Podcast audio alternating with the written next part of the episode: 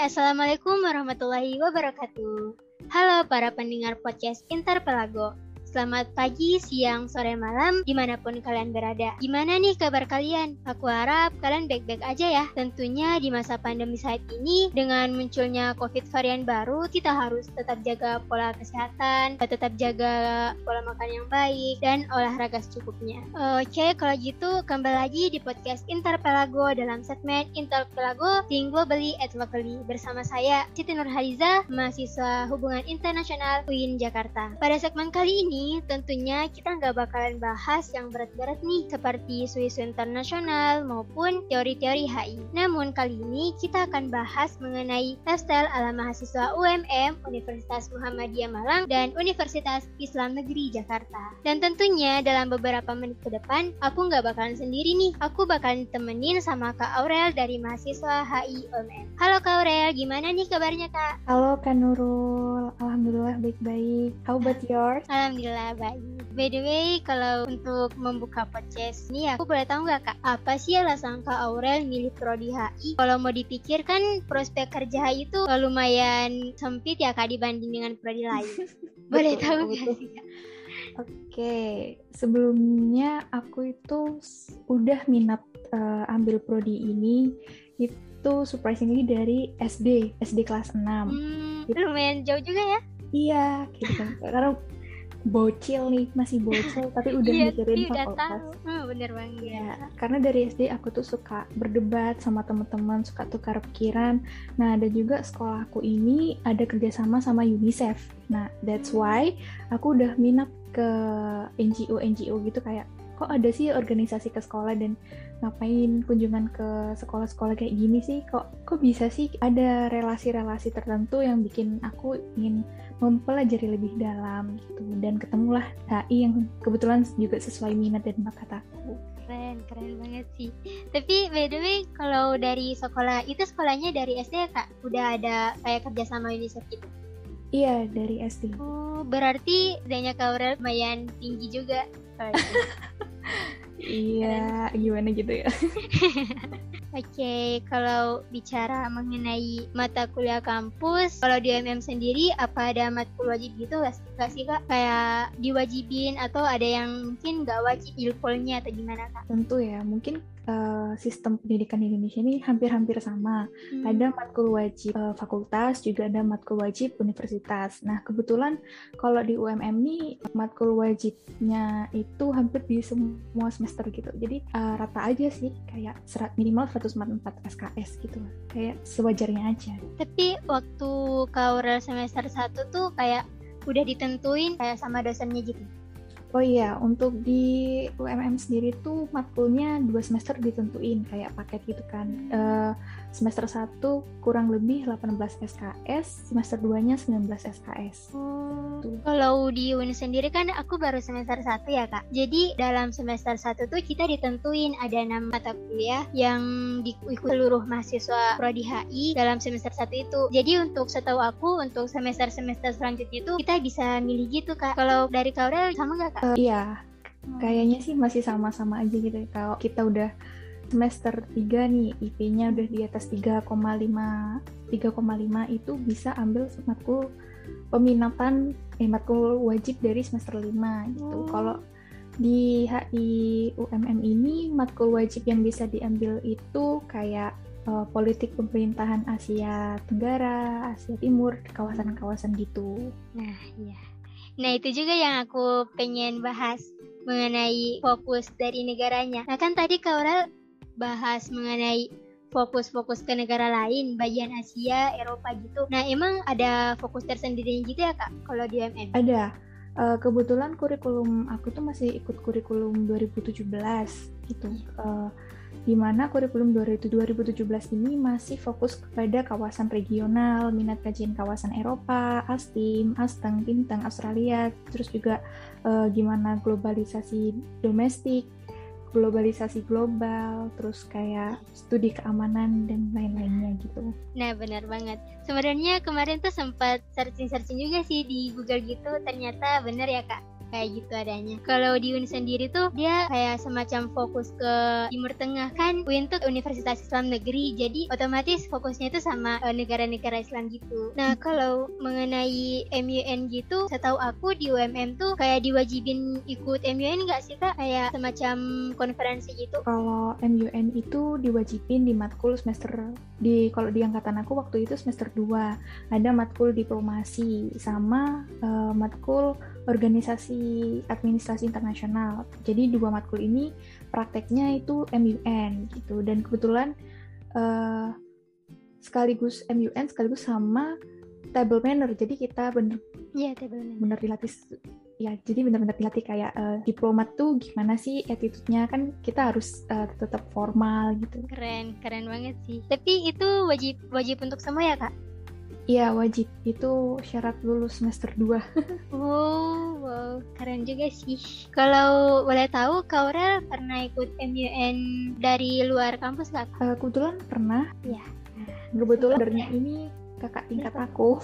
Oh founder uh, MUN itu? Iya Kak Oh, Audi. Keren. Tapi kalau boleh tahu dari perbedaan dari MUN kampus sama luar tuh menurut Kak Aurel gimana sih? Uh, tentunya Dari segi waktunya atau gimana? Segi waktu, segi persaingan, terus segi kompetitifnya itu beda. Kalau di universitas, eh, kalau di prodi sendiri atau praktikum MUN sendiri kan maksudnya lawannya satu angkatan doang kan. Mungkin kayak ada kalau misalkan dia emang beneran niat untuk MUN, ya mungkin papernya akan berbobot dan Bener waktu banget. waktu speech pun akan juga berbobot gitu. Tapi kalau misalkan di luar eh, itu lebih apa ya kompetitifnya lebih keras lagi gitu. Jadi Bener. kayak Soalnya kan uh, persaingan kita bukan antar uh, Indonesia doang, tapi antar negara-negara lain gitu. betul kulitnya publik gitu beneran Iya. diplomasi yang dipakai. Bener-bener banget. Tapi Kak Aurel ada rencana gak kayak ikut MUN? Eh, kan sekarang mungkin online ya kak, ada offline-nya gitu. Ada rencana ikut offline gak kak? Eh, aku masih belum tahu sih karena aku masih ada rencana ikut conference di global climate change itu tapi masih belum tahu tapi insya Allah Iya, kalau mengenai MUN di UIN sendiri dia tuh bukan dalam bentuk dia tuh dalam bentuk sebagai organisasi gitu kak. Jadi dalam visip tuh dia ada Syahid Moon. Jadi eh, apa? Jadi nggak wajib juga buat semua mahasiswa HI buat ikut MUN kalau di UIN sendiri. Tapi kan kalau menurut aku nggak asik juga sih kalau mahasiswa HI terus nggak pernah ikut MUN. Soalnya kan betul HI itu kan di- dikenal dengan prospek kerja di diplomatnya. Tentunya kalau nggak ikut MUN nggak ngeh aja ya. kurang afdol kurang Nah, afdol bener banget. ya, kurang. Betul. Kalau bahas mengenai mata kuliah di UMM sendiri kayak ada belajar bahasa tersendirinya gitu nggak kak? Iya, kebetulan di aku nih waktu semester 1 sama semester 2 ini dikasih free uh, les bahasa Mandarin gitu. Karena sebagai bahasa resmi MUN kan. Jadi bahasa Iya. Inggris sama bahasa Mandarin itu jadi matkul wajib gitu. FLSP namanya, Foreign Language Scholar Program gitu. Jadi untuk dua semester tuh kita belajar Mandarin. Jadi ceritanya ini guru ba guru bahasa Mandarinnya dari Mandarin langsung gitu? Iya, dari China langsung. Oh, keren sih. Jadi ada terjemahannya gitu ya kak? Iya, kita bela- benar-benar belajar Mandarin dari Hanzi-nya, gitu. dari nol banget. Keren, keren sih. Iya. Tapi setel- selain Mandarin ada yang lain gak kak? Selain Mandarin sama Inggris? Oh, waktu sebelum pandemi sih ada gitu.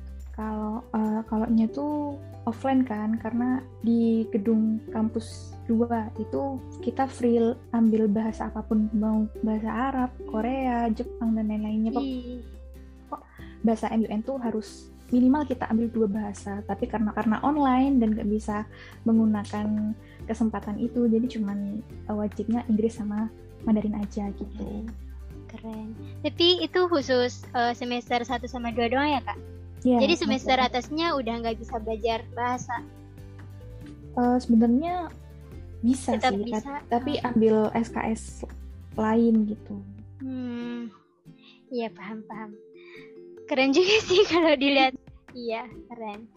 Kalau dari Hayuin sendiri tuh kayak tetap aja kita tuh ada dua bahasa, belajar bahasa juga, ada bahasa Inggris sama bahasa Arab. Nah, itu kita tuh fokusnya kedua kedua bahasa ini doang karena kan e, bahasa Inggris itu mencakup internasional. Nah, kalau bahasa Arab kita pakai buat ini isu-isu di negara-negara Islam gitu. Kita kan kita kan maksudnya dari Universitas Islam. Jadi harus ini juga bahasa Arabnya. Kalau dari sendiri gitu, Kak. Hmm bagus ya. Tapi lebih kalau menurut aku sih lebih asik UMM ya kak. Seru juga sih. Tapi kalau eh, dari Kaural sendiri kenapa nggak ambil HI GM atau kenapa malah ambil HI HI UMM Fun apa ada ya. alasan tersendiri? Sebenarnya tuh aku aku kan uh, masuk eligible SNMPTN oh lewat jalur SNMPTN ya kak Iya, tapi oh, sama, Keren. tapi ternyata tuh nggak dapet restu di negeri. Oh iya iya. Benar. Karena apa ya?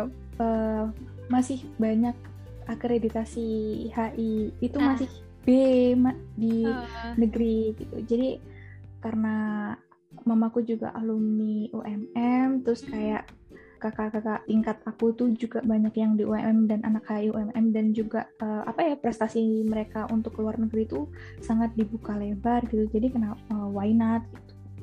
Bener banget keren. Oh iya kalau kemarin ya dari yang aku searching tuh dia juga ada program student exchange-nya gitu. Emang bener ya kak? Iya betul. Kalau di UMM sendiri HI UMM tuh banyak. Ada kayak uh, Mandarin short course, apa short course gitu kayak uh, banyak sih kita nyediain course-course yang buat anak HI nggak nggak anak HI juga sih kadang uh, dari sastra sastra Inggris atau sastra yang lain tuh bisa masuk prodi bahasa Inggris. Hmm. Jadi nggak cuman untuk HI ya kak, untuk prodi lain juga terbuka lebar. Iya, tapi biasanya dominasinya anak HI sih hmm, iya. untuk ambil course-nya. Tapi kalau soal biayanya ditanggung sama pihak fakultas atau gimana kak? Ada yang fully funded sama ada yang enggak sih. Hmm, tapi dalam maksudnya kan uh, yang aku lihat dari 2018 tuh ada yang pergi itu ada semacam uh, kota gitu nggak kak? Kota orang yang pergi. Uh, kota orang dulu maksudnya? Maksudnya kayak ada minimal batasan batasan batasan orang pergi. Enggak sih, setahu aku.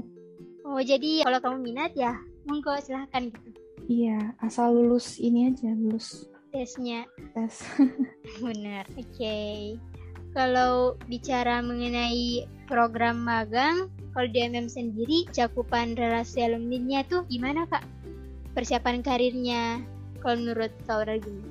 Nah, uh, aku bersyukur banget sih di UMM ini karena mungkin emang dosennya udah menyadari kalau misalkan prodi UMM eh prodi UMM prodi HI ini uh, lulusannya nanti itu peluang kerjanya kan kecil kecuali kalau yeah. kita ambil S2 dan S3 lainnya. Kayaknya kita harus spesialisasi dengan hard skill kita sendiri kan. Nah, uh, di UMM sendiri itu terutama Himahi yeah. dan juga aku selaku anak himpunan itu kita di apa ya sama alumni sama relasi-relasi perusahaan lainnya itu kita buat kayak uh, G-form. Nah, G-form itu di mana anak-anak semester atas yang misalkan kakak-kakak tingkat ini yang udah mulai cari informasi tentang magang, tentang internship atau tentang uh, apa namanya kayak volunteer gitu, hmm. itu tinggal isi G-form di sana, nanti akan langsung di Gmail gitu diinfokan kembali kalau misalkan oh ini ada lowongan begini loh, terus kayak uh, nilai tapi kalau sepengetahuan aku kakak tingkatku ini ada yang cuma nilai IP-nya berapa terus tinggal masuk itu jadi ya bersyukur banget sih hmm, jadi intinya gampang. relasi doang ya kak banyak yeah. relasi jadi ceritanya alumni alumni alumni dari prodi HIUMM tuh kayak udah tersebar luas di beberapa perusahaan gitu ya kak Iya, ada instansi pemerintahan juga. Keren. Eh, keren sih. Jadi kalau mau disimpulin nih, gampang ya maksudnya ada peluang lah buat kerja gitu ya kak. Intinya kita punya relasi sama alumni alumni yang udah kerja di beberapa perusahaan atau instansi. Iya betul. Benar. Kalau bicara mengenai dosen di HUMM sendiri kayak kita kan uh, eh, HI itu terkenal dengan paper-paper gitu ya kak. Kayak tugasnya pasti paper-paper dikasih tugas tuh pasti nggak jauh dari buat jurnal, uh, review jurnal gitu. Uh, dan menurut Kak Aurel, hukuman bukan hukuman sih kayak kalau ada mahasiswa yang kena plagiat tuh gimana kak konsekuensinya gitu konsekuensi Uh, kalau plagiasi itu di UMM agak ketat ya. Hmm. Kalau misalkan UTS atau UASnya plagiasi itu udah otomatis ngulang gitu. Maksudnya ngulang pelajarannya kak? Ngul ngulang matkulnya, iya, nggak lulus oh. gitu. Karena apa ya di sini diterapkan kejujuran gitu sih. Terus kayak parafrase-parafrase yang nggak lolos, nggak lolos uh, turnitin gitu kayak bener-bener di sini bener-bener diajarin uh, analisis baca review dan pokoknya mutah paper lah gitu. Sama-sama juga sih sama Win tapi kalau kalau dari Win sendiri misalnya dikasih tugasnya kak nge-review jurnal tapi kalau kita kena plagiat dari tugas itu kita dikasih nilai minimal C, C ataupun D. Jadi uh, kalau udah kalau menurut aku ya kak, kalau udah dapat nilai C sama D pasti cari cari kerjanya itu pasti susah gitu. Jadi di lain sisi gitu juga sih. Ada juga sih kayak dosen mungkin uh, tergantung dari dosennya juga sih. Gitu kak. C sama D udah. Iya udah rendah banget sih. Rendah. Kalau di UMM kamu dapet C itu aja udah bersyukur eh iya kak. Iya karena di sini tuh ketat gitu loh nilainya. Semakin ke atas semakin kita nggak ngulang aja udah bersyukur banget. Kok kok aku deg-degan sendiri ya denger iya. Ketatnya emang. Ketat banget super ketat. Tapi dari menurut Kaura sendiri udah ada teman kan teman sih kayak udah ada kenalan yang mengulang gitu ya kak karena plagiat banyak temen aku semester 1 semester 2 banyak yang gugur karena hmm. ya mungkin uh, beberapa dari mereka kurang research plagiasi itu kayak gimana, parafrase itu kayak gimana. Mungkin mereka kurang memaksimalkan uh, informasi-informasi yang ada gitu. Ya, serius itu kak? Iya serius. Temen aku, aku sendiri ada kayak kayak semacam kirain cuman ancaman untuk nakutin-nakutin gitu. gitu. Iya, ancaman. Enggak, enggak. Ternyata betulan kak. Iya, betul. juga.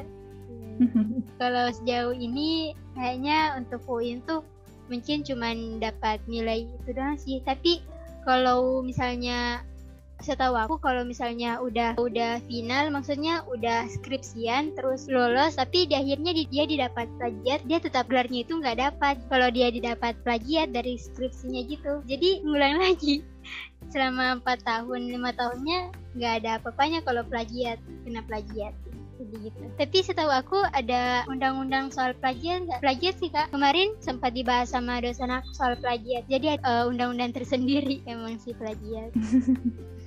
Betul.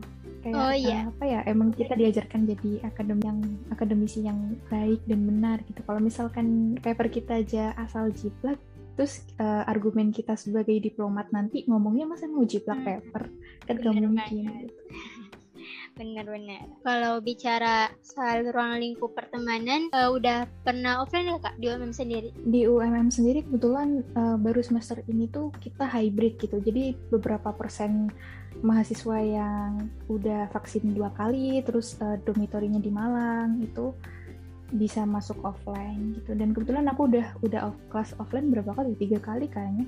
Dan hmm. itu seru sih. Hmm, bener banget apalagi kan dibandingin dengan online kita tuh kayak pertemanan kita tuh sebatas HP doang nggak ada nggak bisa bertemanan lebih ini sih lebih akrab kalau menurut aku nggak serak rasanya kalau nggak berteman langsung Iya, betul.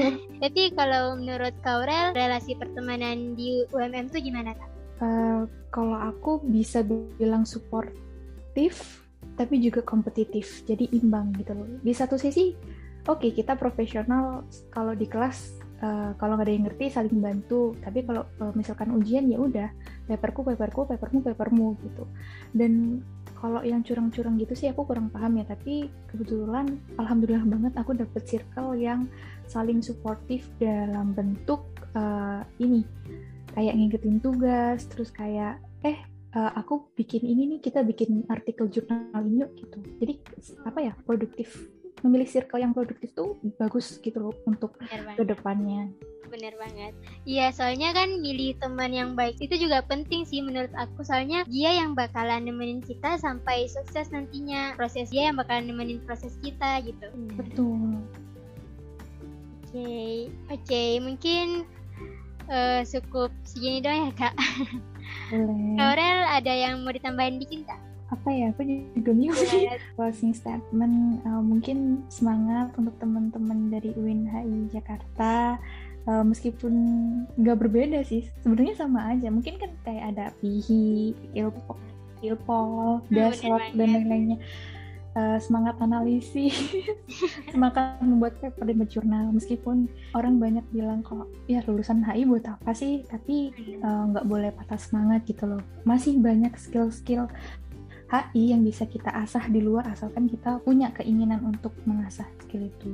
Jangan berpatok cuman HI keren uh, bahasa Inggris dan lain-lainnya itu stigma lama menurut aku. Bener banget.